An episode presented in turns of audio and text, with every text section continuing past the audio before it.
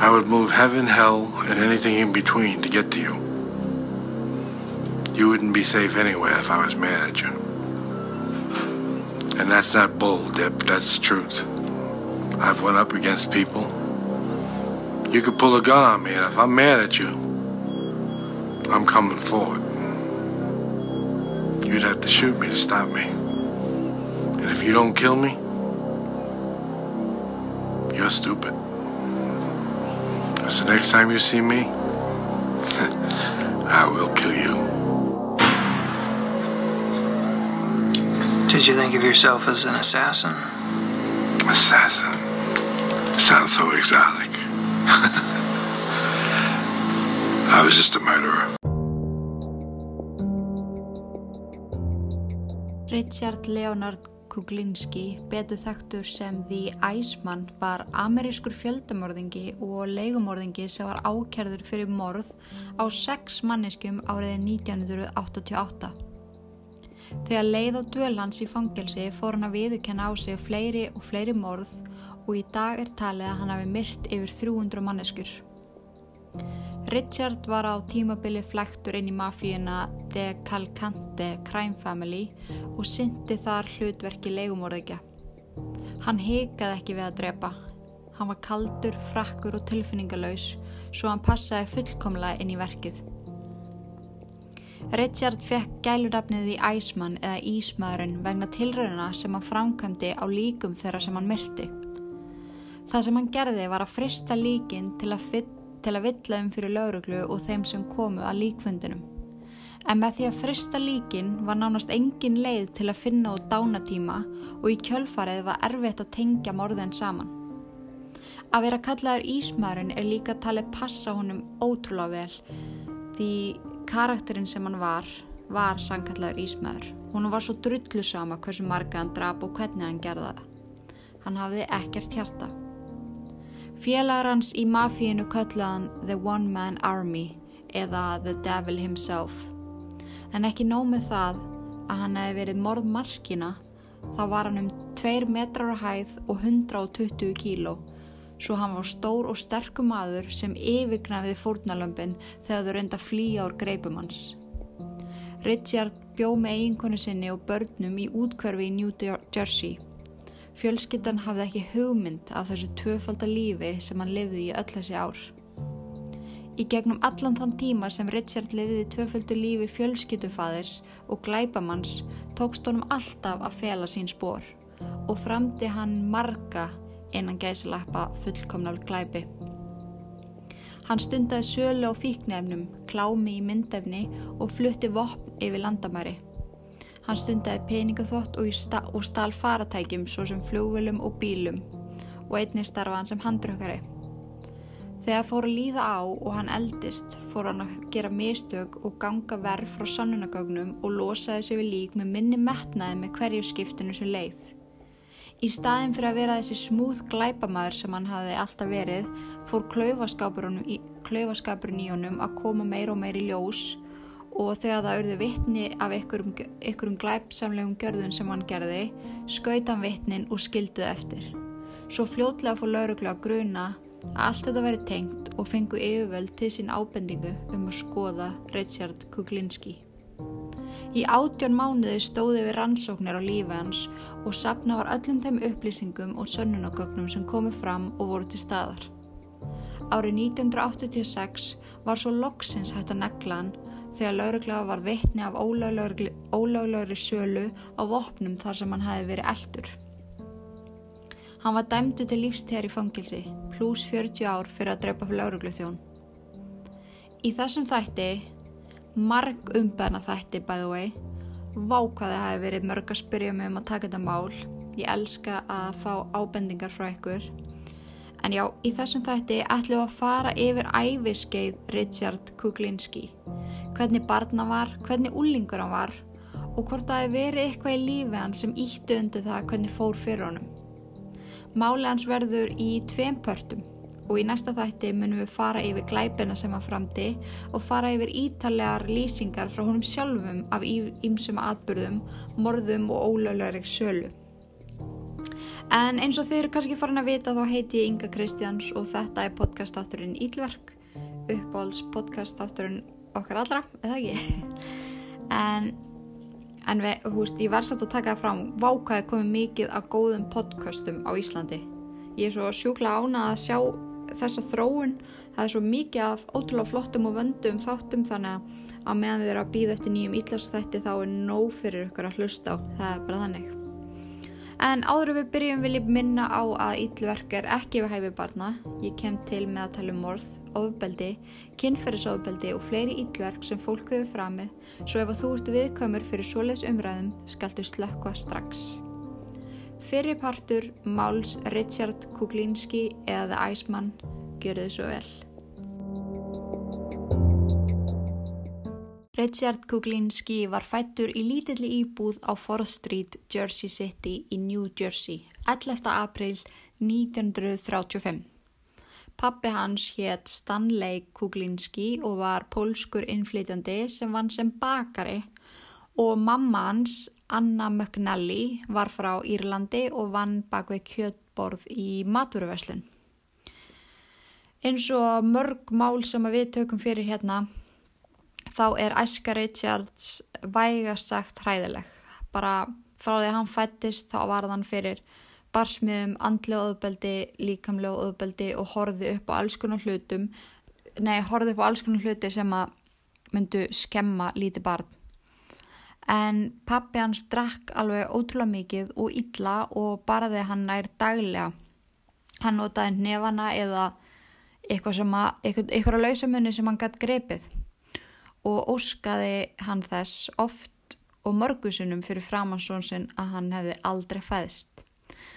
Þannig frá unga aldrei þá hataði Richard pappa sinn og það er að sjá það í augunum á hann í viðtölum sem maður horfir á, horfir á hann í dag bara hvað hann hataði þennan mann mikið. En hann hataði hvað hann gerði lítið úr honum og dæmdi hann fyrir allt sem hann gerði. Pappans var svona sá einstaklingur sem að kynnti hann fyrir skömm, reyði og ofbeldi og í dag þá telur Richard sjálfur eða áður hann að lést að his old man eins og hann segir alltaf hafi verið upp sér beretta af öllu yllu sem átti eftir að gerast.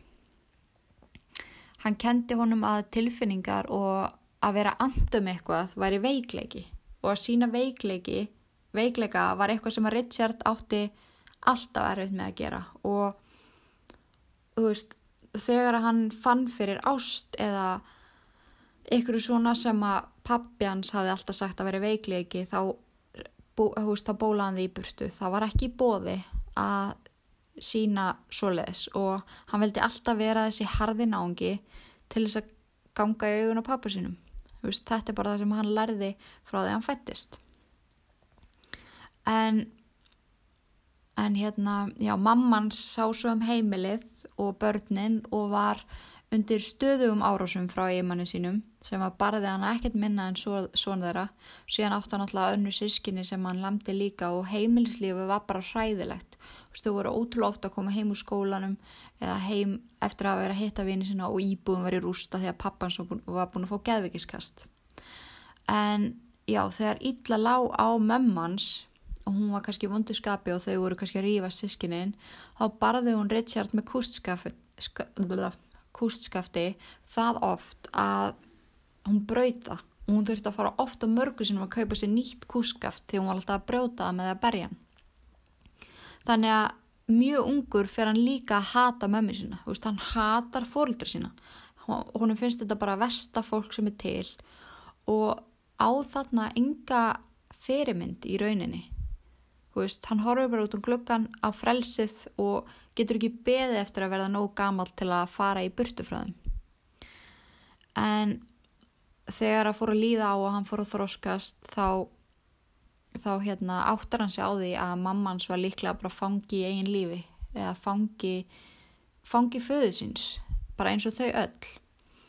En hann varði einu sinni vittni af föðu sinum stinga mömmu sinni í bakið og þá er ég ekki að tala um máltækið að stinga í bakið heldur stakkan hanna með eldursnýfin herðablaðið. Og hann sá þetta með sinum einu augum og út af skömminni og út af því að þetta var náttúrulega eitthvað sem hann geti verið kærðu fyrir þá fær mammans enga læknishjálp. Þau hlúa bara sjálf, hérna sjálfa sárinu og þetta er bara lindamál sem bjóin að vekja heimilis, heimilis þeirra bara alltaf.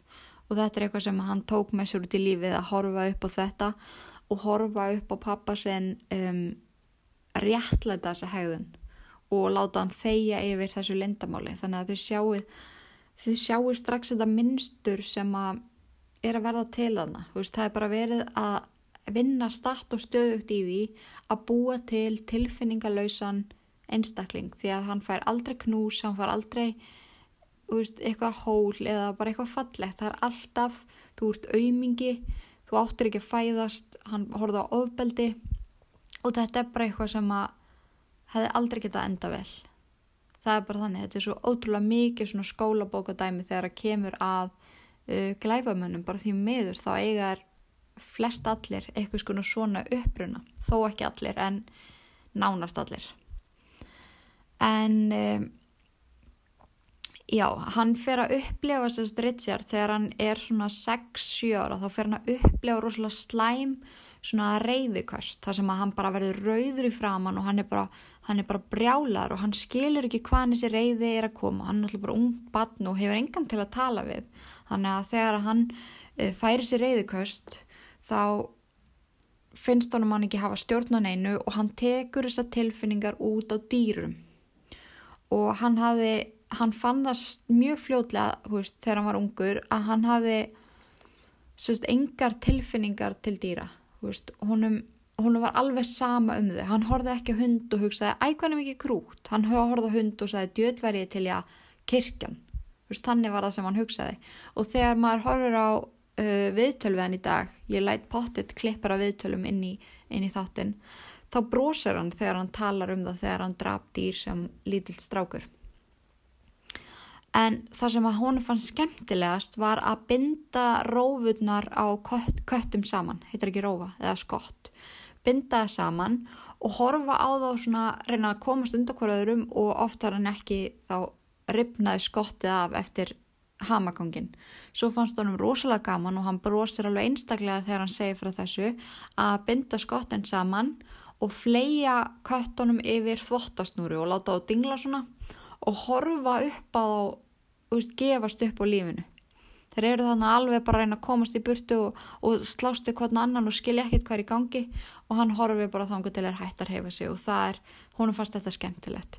Hann segir að hann hef ekki fengið neitt eitthvað sérstaklega út úr þessu eins og margir um, segja að þeir hafi fengið eitthvað svona spennu eða, eða eitthvað kynferðislegt. Hún bara, þetta, þetta bara hann var bara að drepa tíman, hún var bara alveg sama en hann brendi líka ketti og önnu dýr og hafði gaman að því að horfa á það og brenna og gera alls konar svona tilraunir, húst, bæti í eldin, prófa að taka köttin út, húst, láta hann reyfa sig þegar hann var búin að brenna í smá stund og alls konar svona ógeðslegt sem að húnum fannst bara eins og okkur finnst að smyrja brauð, húnum var bara nákvæmlega sama, þetta var bara eitthvað sem hann gerði.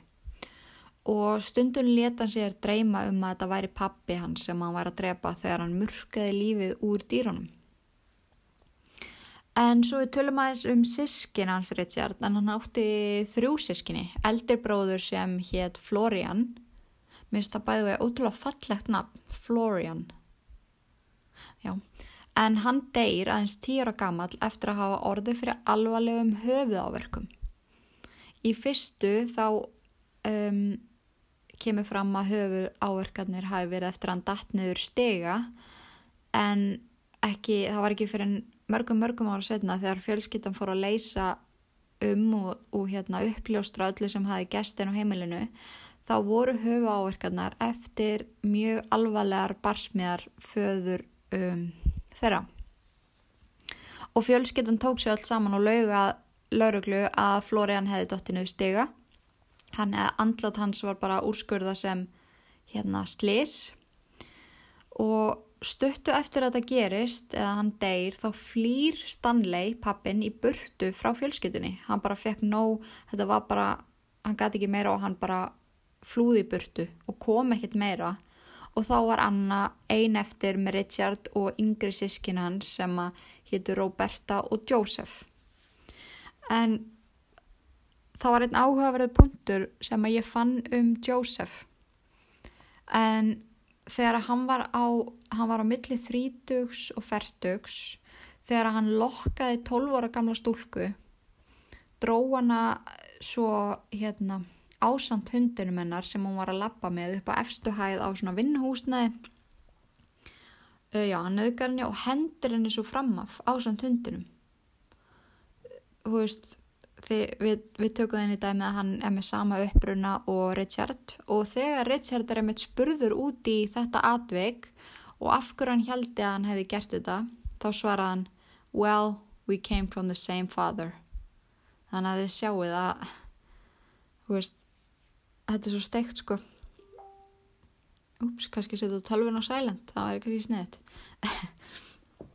en en þetta er bara, úst, þetta er bara alið upp í honum frá unga aldi. Hann, bara, hann var svo ótrúlega kaldur hann var svo tilfinningalös og hann fór mjög fljótt að þróa með sér enginni svona psykopath en það er að vera alls konar típur af psykopath þú getur verið mjög vægur psykopath og, og sínt það í dæliðu lífi en síðan getur þú verið psykopath sem er óttalauðs, uh, tilfinningalauðs, þú færð ekki samviskupið, þú færð ekki móralið við neinu, þú færð bara í gegnum lífið og gerir bara það sem þér sínist og engin annar skipti máli. Veist, það, þér er bara alveg nákvæmlega sama. Þannig að þú veist, þegar hann verður síðan leigumorðingi, þá er það bara heið fullkomna jobb og þeir sem var ráðan í vinnu eru bara útrúlega ánæði með hann því að það er ekki til í honum eitthvað sem heitir að sjá eftir hlutunum eða heka hann gerir bara. Og þetta er bara eitthvað sem var pappans kendunum hann var bara aumingi ef hann var eitthvað að knúsast og eitthvað svo leiðis þannig að hann tróða með sér hann mjög ungur, mjög alvarlegar geðvelur og líka antisocial disorder og alls konar svona. En ég mun fara yfir sagt, uh, svona sálfræðilega svona sálfræðilega klausu sem að ég fann um hann, ég ætla að gera það í byrjun á næsta þætti, sérst á öðrum þætti um þetta. Ég ætla að taka þetta í tveim pörtum því að þetta er langt og þetta er áhugavert og það er bara ekki að segja annað en að Richard hafi verið bara rosalega áhugaverð maður og það eru margir einmitt hérna, sem að ég hef rætt þetta við sem finnst einmitt bara röttunans og augnaráði það er eitthvað við hennar mann að þú í fyrsta sinn sem þú sérðan þá færðu ekki þetta svona óíkátt ógislur þið finnst hann actually ótrúlega áhugaverður og þið langar að heyra hvað hann er að segja. Og hann hefur ótrúlega margt að segja sem er mjög áhugavert.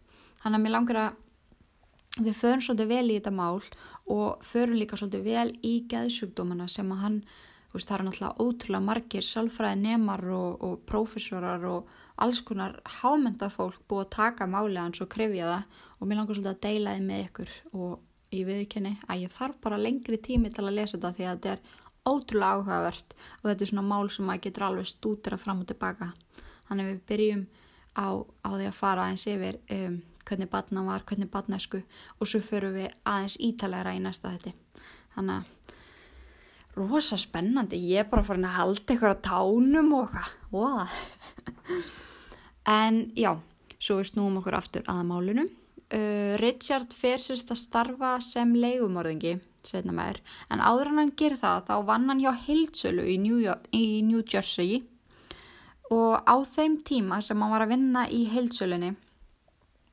þá var hann giftur konu sem var nýja árum eldre en hann og hér Linda. Þannig að ég segi ykkur aðeins líka frá hús hvernig úlingur hann var áður hann fyrir að vinna í Hildsölunni því að hann er hann er um tvítugt þegar hann fyrir að vinna þar en þegar hann er hérna orðin nóg gamall til að kannski svona að sjá hans í sjálfur, þú veist, svona 12-13 ára, þá er hann bara rosalega mikið á veist, gödunni, á flakki, þú veist, hann er, hann fær mjög fljótt orðspórið sem svona einelti sekkurinn, þú veist, hann barði fólk bara, þú veist, ef það horfið vittlist á hann og hann var ótrúlega reyður úlingur og hann verður það alveg áfram eh, fram í sín úlings ár, nei, fram í sín hérna fullonus ár sem sagt. En já, hann giftist þarna konu sem heitir Linda um tvítugt og er hún hann að nýjárum eldri og þau eiga saman tvo sinni, Richard Jr. og David. En Richard ánefnilega fimm börn í heldina. En þau skilja svo í kringum 1960 og Richard fyrir þá að slá sér upp með reytaranum á heilsölunni sem hétt eh, Barbara Pedrissi. og hún var einmitt miklu yngre en hann. Hann var hvað 25 ára þegar að þau byrja hittast og hún 19 ára. En þau gifta sig 1961 og þau eiga mjög fljóðlega saman tvær dætur, Merrick og Kristin og síðan svon sem þau skýrðu Dwayne. En Barbara fór þarna uh, stuttu eftir að þau giftu sig, eða svona 2-3 árum eftir að þau giftu sig, þá fór hún að finna fyrir útrúlega miklu, óhamingi í sambandinu, en hún var svona kvennskörungur, hún, hún hafði alltaf staðið í einn fótum og haft þetta svolítið eftir hennar höfði, en núna var hún byrjað með mann sem var einhvern veginn stór og mikill og mikill römur og, og reði ríkjum og hún var alltaf inn og komið þrjú börn og heimili og hún fann bara fyrir svona, þetta var bara rosalega yfirgnæfandi og hún henni fannst hún ekki verið að lifa lífinu og, og, og, og það sem hún komst að í sínum huga var að það væri rúglega bara best að skilja og fá aðeins að einbeta sér að sjálfur sér. Og hún byður hann um skilina þau eru staðsett í, í, í bíl allir hérna þau voru að leiðinni heim um, úr vinnunni og þau eru staðsett saman í bíl og hún, hérna, þau stoppa fyrir utan heima á sér og hún fyrir að ræða þetta með hann. Bara segir, segir hún hvernig henni líður og er svona vonast til að hún henni sem mættur ykkur hérna, ykkur skilningur þar sem hann er nú eldri og svona. En það sem hann gerir er að hann tekur vasanýf upp úr hérna vasanum og hótar henni. Hann, hann stingur nýfsblaðinu alveg bara svona potar í nakkan á henni þannig að fer að blæða svona smá og segir við henni you will never leave me. Þannig að þarna dregur hann allt tilbaka þarna verður þessi yfirgnæfandi hræðsla við hann og við að fara frá hannum þarna, þarna var hann að taka hana í rauninni gíslingu og hún þorði ekki að hreyfa sig í burtu frá hannum og þau halda áfram að vera saman. Og auðvitað þú veist eins og gerist að það er bara þannig sama hversu ógeðslega vondu sambandi þú ert í þá getur ykkur neginn alltaf fundið ykkur gott í manneskinu svo út með, það er bara þannig það er ég ætla ekki að fara ítalega út í þetta því að þetta er svo útrúlega viðkvæmt að það er bara þannig að það er alltaf þetta réttlæta gjörðir uh, makaðins af því að þannig eru við bara gerð. Að hann er svo mikið svona og hann er svo mikið svona og, og hann gerir þetta aldrei aftur og þið veitir nákvæmlega hvað ég er að tala um. En hún lýsir eigimanni sínum sem Good Richie og Bad Richie. En góði Richie hann syndi fjölskytunni sinni hann passaði að þau ættu alltaf nóg að býta og brenna og hugsaði svo undur vel um börn sín. Veist, hún segir frá því að í eitt skipti þá þá hérna þetta hafi verið á jólunum og þau voru nýbúin að opna alltaf pakkana og hann setur á stofugólun og er að hjálpa þeim að, hérna púsla saman einhverju svona dótahúsi eða eitthvað svo leiðis síðan fara hann símringingu hann þýtur út úr húsinu og kemur aftur tveim tímun setna eða eitthvað hún vissi ekki hvað hann var að gera en ég kem aðeins inn á það eftir um, að hún var lengur hægt að spyrja spurninga og þorði ekki að spyrja spurninga ef út í það er farið. En setna meir kem, kemst það í ljós að það sem hann gerði á þessum tveim tímun sem hann skrapp hann á aðfangadag þá var, fekk hann sérst verkefni við að drepa einhvern ákveðin mann. Hann kerði að honum og, og skauta hann og fór svo bara aftur heima að leika við bönni sín. Og Gudritsi, hann var bara, hann var þannig hann degraði við bönni sín. Bönnin hans voru nummer 1, 2 og 3 og hann reyndi að láta ekkert trubla þeirra feðra og feðgina stund. En Slæmiritsi hins vegar, hann kom stundum ekki heim dögum saman. Hann barði hana, hann blótaði henni hann og misnótaði hana líkamlega og andlega og draf til dæmis fjölskylduhundin fyrir framannana þegar þau voru eitthvað tíman að rýfast og alls konar svona. Þannig að veist, hann fór úr því að vera þessi indislegi fjölskyldufæður þar sem hann, hún horfið inn í stofu á hann með börnunum og brosti og bara vákvæðir heppin yfir því að vera anstekkilegur durtur.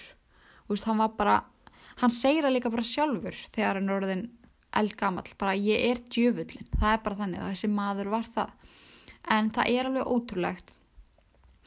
Og jújú jú, það er ótrúlegt kannski þegar maður byrjar að lesa um þetta fyrst en það fer að komast upp í pínu svona minnstur alveg eins og minnstrið sem ég segi ykkur frá með að hérna að svona morðingjar og, og glæpamenn eiga oft erfiða æsku þá er þetta líka í minnstri að þeir sem eru mestu sækapatanir eru mest næs gæjanir það er ógeðsla skrítið. En þessi gaur þegar þið hlusta á viðtöl við hann veist, að spjalla við hann ég hef náttúrulega oft spjalla við hann þá er þetta bara geðvett næs og hillandi náungi. Það er bara þannig, alveg svo Ted Bundy alveg og Jeffrey Dahmer og allir þessi gaurar þeir eru, þetta er ekkit eitthvað leiðilegi menn, þetta er bara heillandi karakter og það er svo fucked up. Það er ótrúlega skrítið.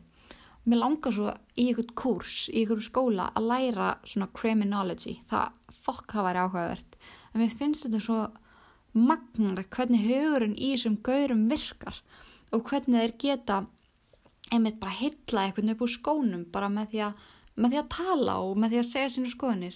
Fara svo bara og drepa eitthvað og fara svo bara heima að leika við börnir sín. Þetta er, þetta er svo beyond fárlegt og rugglað og áhugavert að ég bara, ég get ekki lísti hú, en já. En hérna já, hún lýsur hana þarna sem bad og good Richie. Og nú er ég búin að týna hvar ég var. Bú bú. Já, hérna. Stundu fer ég bara að kæfta út í eitt og týn ég handreitinu mínu. En já Kuglinski fjölskyttan sem sagt uh, Richard Debra, nei Barbara og börnin þau byggu í Dumont New Jersey sem, og þau byggu í svona útkverfi áttu mjög fínt hús og, og hérna, höfðu það rosalega gott fjáraslega Barbara segir einmitt frá því að hann hefði oft verið að koma heim með eitthvað mörg hundru þúsund króna pelsahandani og þau var aldrei átt í neinu vandraði með að borga reikninga þau áttu alltaf nóg, þau áttu alltaf nóga mat og, og það var aldrei vandamál. Vandamáli var að hann var bara alls ekkert viss hvaðan þessi peningar væri að koma. En þau áttu útrúlega góða nágrana sem að segja frá því setna mér að þeim hafi aldrei grunað neitt undarlegt þú veist að grunaðan eitt undarlegt verið að segja þið. Þau heldur bara að hann væri farsall, fjölskytufæðir og svona business kall. En Barbaru fór að gruna eigið maður en að væri flektur í ykkur vafasum mál en gæti þetta ekki pinpointað hvað nákvæmlega. En hann hafði náttúrulega bara alltaf verið ótrúlega lokaður og deildi aldrei með henni hvernig hann leiði eða hvernig æfi hans hafi verið.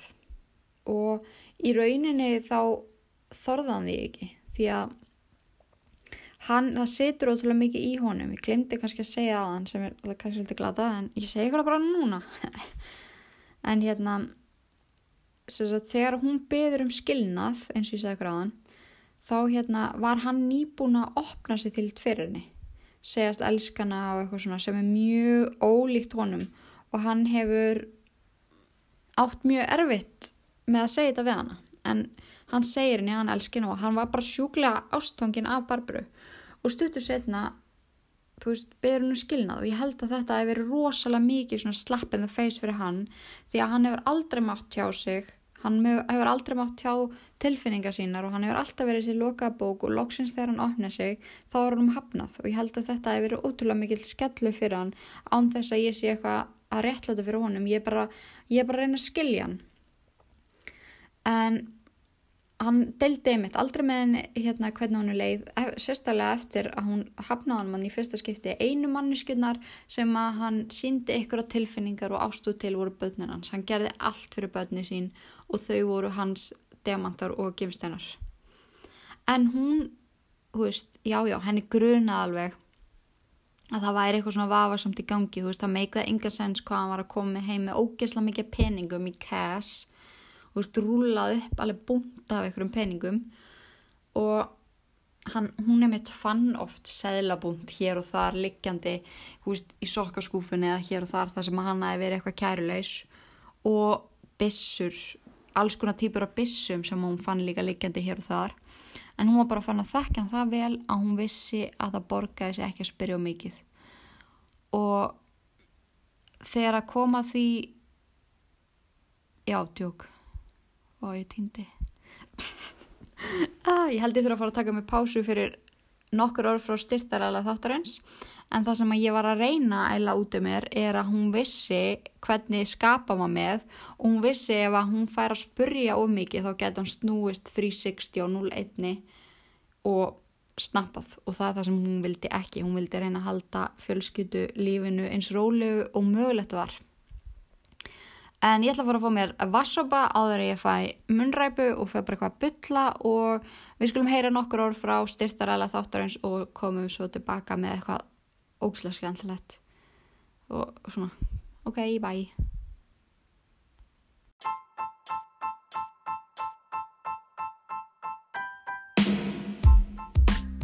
Vissið þú að með kóðanum Inga Kristjáns fær þú 15% afslátt af öllu inn á leanbody.is?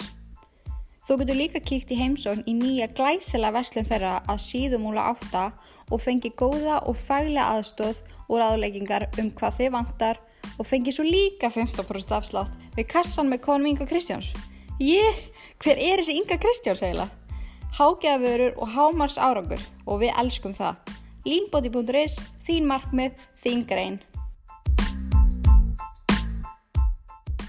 Velkomin til baka. Núna í hérna eftir uh, auglýsingar og frettir þá langar mig að nota svolítið viðtölinn sem að ég hef hlustað á uh, með honum. En það er til ótrúlega mikið af laungum og áhugaverðum viðtölum við The Iceman en það er sálfræðingur sem er ótrúlega vandralagt að ég man ekki nákvæmlega hvað heitir núna en þetta er á YouTube, þetta er að efsta sem kemur. En það er sálfræðingur sem tekur sagt, viðtal við hann, ótrúlega áhugavert viðtal sem ég er einmitt að stúdra svolítið núna. En mér langar að segja ykkur svolítið svona frá hans hlið núna setni bara þáttar. En mér finnst svo áhugavert að hann segir frá því að hann hafi framið sitt fyrsta morð þegar hann var 13 eða 14 ára gammal sem er alveg rosalega ungt. Og hann segist að hafa nota herðatrið til að berja bekkjafélaga sinn til dauða eftir hann strítunum hann bara hann hefur bara algjörlega snappað en eins og ég er búin að koma inn á þá þóldi hann aldrei gaggrinni og stríðni í sinn garð Það komst aldrei upp um að hann hafi gert þetta og varð mál drengsins óupplýst þar til Richard var handtekinn áratöfum síðar. En þetta, mér finnst þetta aksjón segja svo, svo mikið því að hann viðurkennir ekki á sig neitt annan morð á, þessu, á þessum tíma, á þessum aldri. En hann var rosalega mikið í því að berja fólk og bróka fólk og teipaða við staur og þú veist, þú máttir ekki að horfa á hann og þá snappa hann og, veist, og hann segir það mitt sjálfur. Þú veist, ég fekk ekkert út úr þessu og veist, ég hafði ekki gaman af því þannig séð að berja fólk eða, eða mistyrma fólki eða drepa fólk, það var alls ekki það. Ég bara, og það var ekkert eitthvað sérstaklega týpur sem að mér langaði að berja, þetta var bara fólk sem geði mér reitt þannig að þið sjáu hvað reyðin er bara hans aðal í lífinu. Á meðan hjá mörgum af þessum náungum um, sem að ég hef sett ykkur frá og sem að þið hafið öruglega heyrt um þá er það rosalega mikil hemd það er um, kynferðislegt það er eitthvað hérna svona adrenalín eitthvað en þetta er fyrsta máli þar sem að allavega sem að ég man eftir og sem að ég hef hérna hillast svona rosalega af var var þetta mál og það er svo mikil reyði veist, hann, er, hann fer gegnum lífið ógeðslega reyður og það, reyðin stjórnar honum hverju einasta sem hann gerir. Og þarna hérna, og þessi strákur sem hann drapa hann með herðatri hann segir, segir skilur að hann hafi stríkt honum. En vinir hann sem að voru vittna þessu segja að það hafi ekkert verið þannig. Hann hafi bara emitt rekist í henni eitthvað þannig og hann hafi bara snappað, það var ekki bóði að lítilækkan eða stríðunum eða gera lítiðurunum eða, eða dæman, það, þú varst bara dauðans matur eða vogaði þér að gera eitthvað svo leiðis þannig að maður fær út til að skýra mynda á hann þarna og getur rétt ímyndað ykkur ef hann er þarna 13 eða 14 ára gammal hvernig hann myndi þá verða sem fullvaksinn karlmaður.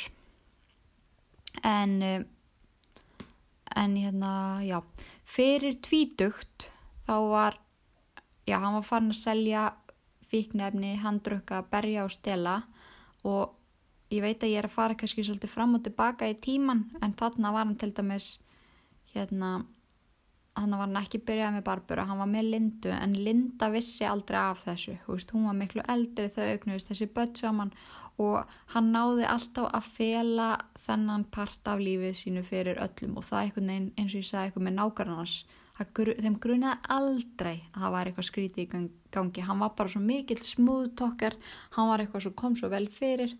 Þannig að þarna fyrir tvítugt þá var hann uh, að selja fíknefni, hann drukka, berja og stela og var farin að fá peninga fyrir það og hann var þekktur í hverfinu sem Big Rich sem að enginn engin þorði að standa í vegi fyrir.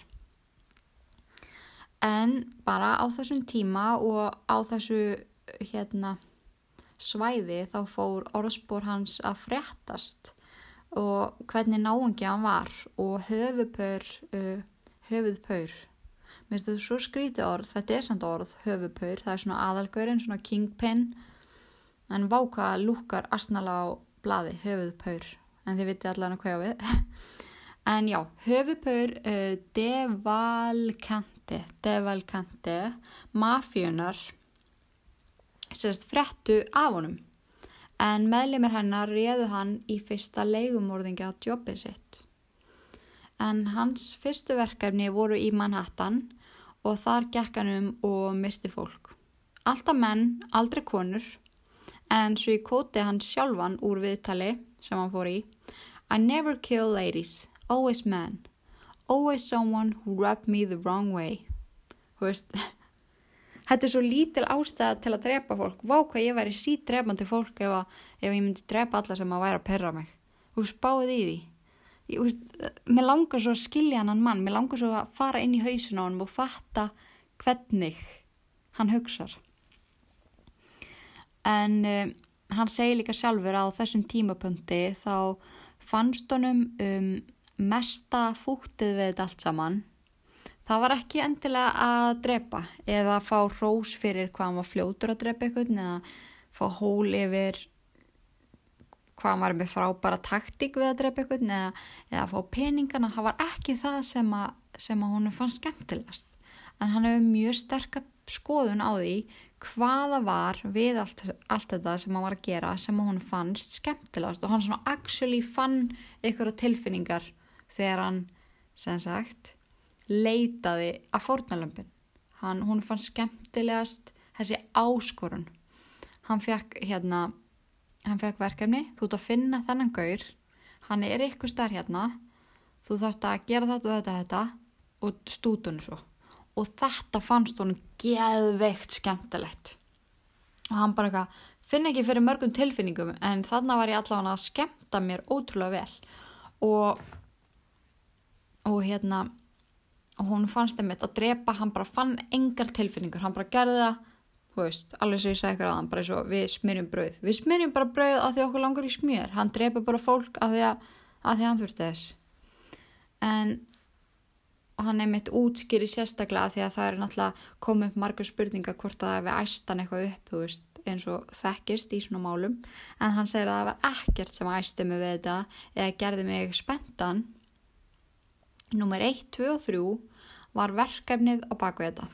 Að elda finna og plana það var það besta og hann var einmitt bara hann var, varður rosalega vinsætt leigumorðingi og hann var vinsætt aðili innan mafjönar því að hann húst lagði á ráðin. Hann setti alla saman, hann teiknaði plan. Hann, hann vildi, hann hafði svo sjúkla mikið metnað fyrir því sem hann var að gera að fóringjarnir, þeir gátt ekki annað en horta á hann aðdáðunar augum og við erum bara sæl þessi gauðir að fara að ná langt í þessum business. Blessaði drengurinn. En, en hérna já þetta er bara það sem hann hafi gaman að hann, hann hafi gaman að því að leita upp í fólk sem að, sem að þurft að kála og, og hérna og einmitt bara búa til verkefni. En en það fóru ekki að, það leiði ekki að löngu þar til, þar til Richard var farin að sinna öllum þeim verkefnin sem að mafían gaf honum. Og hann fer hann að græða hellingspening fyrir að drepa, sel, hérna, drepa stela og selja. En hann var líka uh, hann var ekki bara hitmann heldur var hann líka hérna mikið í að ræna flugvelum og bátum og þá planaði hann eitthvað svo, svo, svakalegt í kringu það og hafi gaman á því. Og hann var líka mjög mikið að selja að þú veist, þessu byssur og svo leiðis yfir landamæri en það er alveg hrikala ólöglegt á sömum stöðum, eða sömum, ég held að það sé á öllum stöðum í heim, heiminum ólöglegt að flytja vopn mellir landa. Þið leiðir þetta mig ef það er vittlust en hann seldi vopn og hérna sprengjur og alls konar svona ólöglegan varning. Og þannig fekk mafían alltaf peninga og kokain og, og allt þetta stöf, það er gaman að því. Hann seldi líka hérna klám. Ekki, hann var ekki svona pimp eitthvað þannig, hann var að selja bara hérna vídeospólur með einhverjum underage, underage kids og eitthvað svona viðbjóð. Og hann var bara útilega snöggur að búa þetta peninga fyrir mafíinu og þeir dyrkuðu hann á nága og veist, hann græði peninga, hann græði verkanin, hann græði morðin, það var ekkert vesen. En það var eitt sem að þeir þurfti að passa sig á. Það var að reyta hann ekki til reyði því að þá var hann fokking reyður hann að já eins og ég segi þú veist þá var þann bara einna höfupurunum mjög fljótt og, og hérna og það kemur einmitt fram að að hérna hann hafi eins og setið í bíl með Demeo sjálfum. En það var einmitt höfupur hérna núi, ég glemdi hérna heilum bút, sorry. En hérna, já, aðri segur hitt, það er að segja ykkur hérna frá því að hann flæktist líka í aðra mafjur og þar á meðal Gambino mafíunni. Og þegar vel, úrst, vá, ég trú ekki að við næstu glemt að segja þetta en það hafa potið þeir sem að hafa áhuga á svona mafíum og kingpins og queenpins, mér finnst það mjög interesting dæmi. En hann sérst flækist inn í þá mafíu og, og hérna þið hafi líka örgulega heyrst nafnið Roy DeMeo. Ég myndi allan að googla það ef að, ef að, ef að ég væri þið, það er, það er mjög áhugaverð maður en Richards er skulda einu meðlim Gambino mafíunar pening. Og það er ekki oft sem að Demeo sjálfur fer og konfrontar uh, aðila sem að skulda eitthvað af hans peðum pening. En hann var bara búin að heyra að því hvernig náðungi þetta var. Og hann fer sjálfur á samt nokkur meðlimun til að hótonum og þeir börðu hann í bara hakkabuff og mér finnst þetta svo magnað. En Roy DeMeo hann sérst heitlast af Richard eftir að vera búin að berja hann. Og hann bara, hann er bara eitthvað wow, wow, þessi gaur. Og ástæðan fyrir því að hann heitlast svona af honum var því að hann tók barsmjónum eins og maður. Hvernig, hvernig tekum maður barsmjónum eins og maður? Jú, það svo gerir er að þú leiðið þeim bara berja þig. Þú likur bara, leiðið þeim að berja þig. Þú hérna bara geiflar þig ekki eins og þið er bara alveg sama og bara reynir að klára þetta af. Liggur bara þannig að reynir að njóta húst, eitthvað.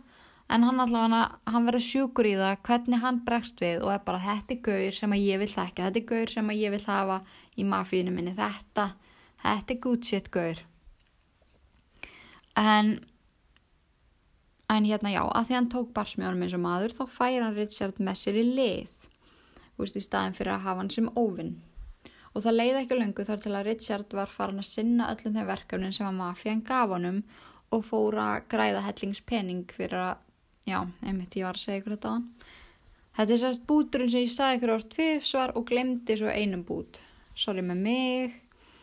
En hann er þarna, hérna, eh, tvinnaður í tvær mafjur, tvær mjög stórar ítalska mafjur og já, hérna, einmitt, það sé ég ætla að segja hann en Richard segir frá því einu viðtali mjög áhugavert að hann hafi eins og setið í bíl með Demeo sjálfu og Demeo hafi verið að keira og allt í hennu hafa hann hérna, stoppa bílinn alveg nauðhemlað bent á ókunnan mann sem var að lappa með hundi sinn og segi við hann herru, skjóttu þennan. Og án þess að hika þá stegi Richard út af bílinnum gekka manninum skautan í höfuðu og frá þessu mómenti var Richard upp og hald Demeo.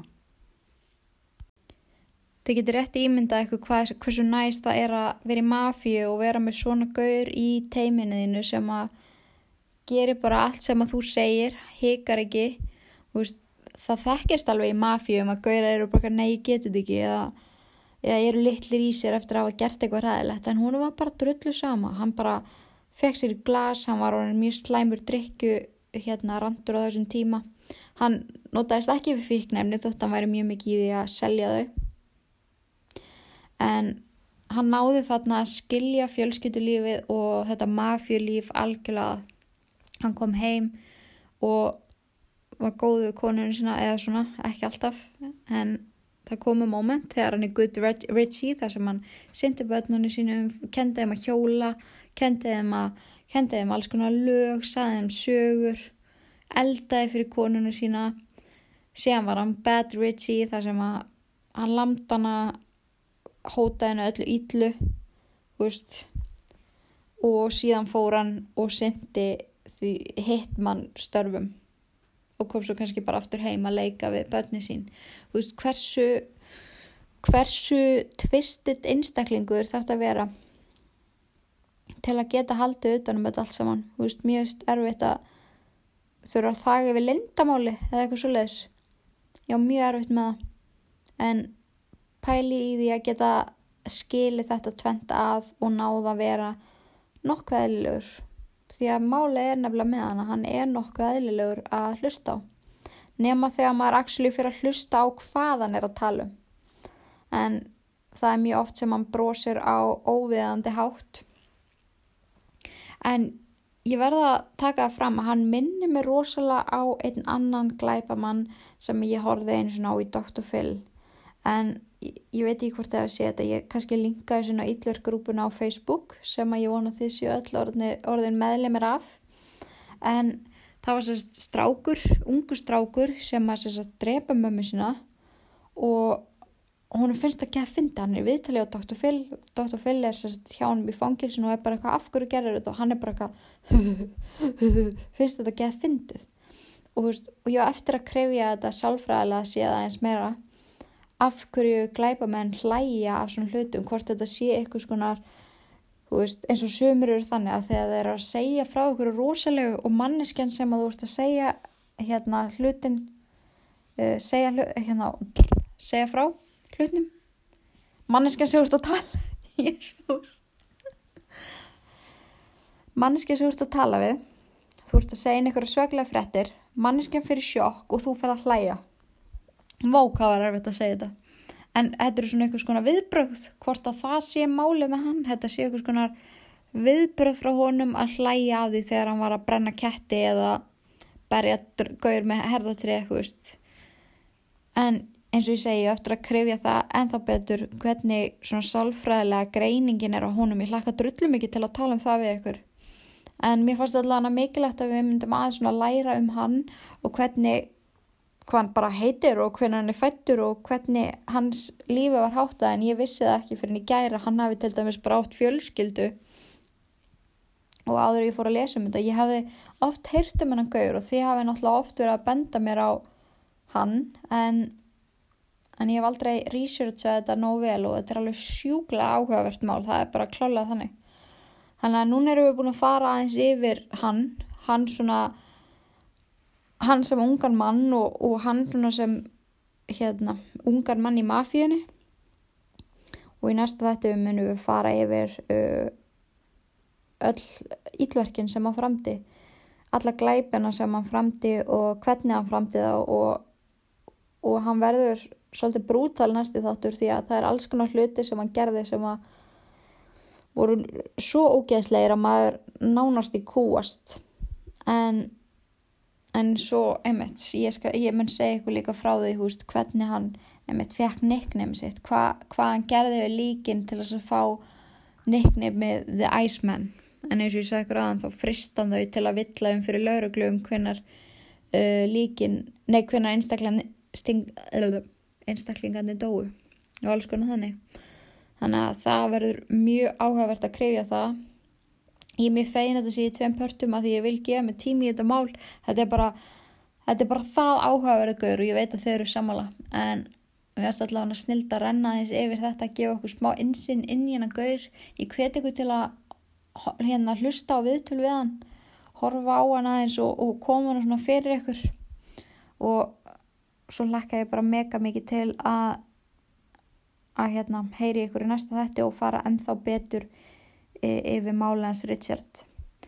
En þánga til næst þá ætlum við að bara segja þetta gott og mér langar líka að beða ykkur um að forðastu öll ílverk nema þetta podcast. Þánga til næst, verið sæl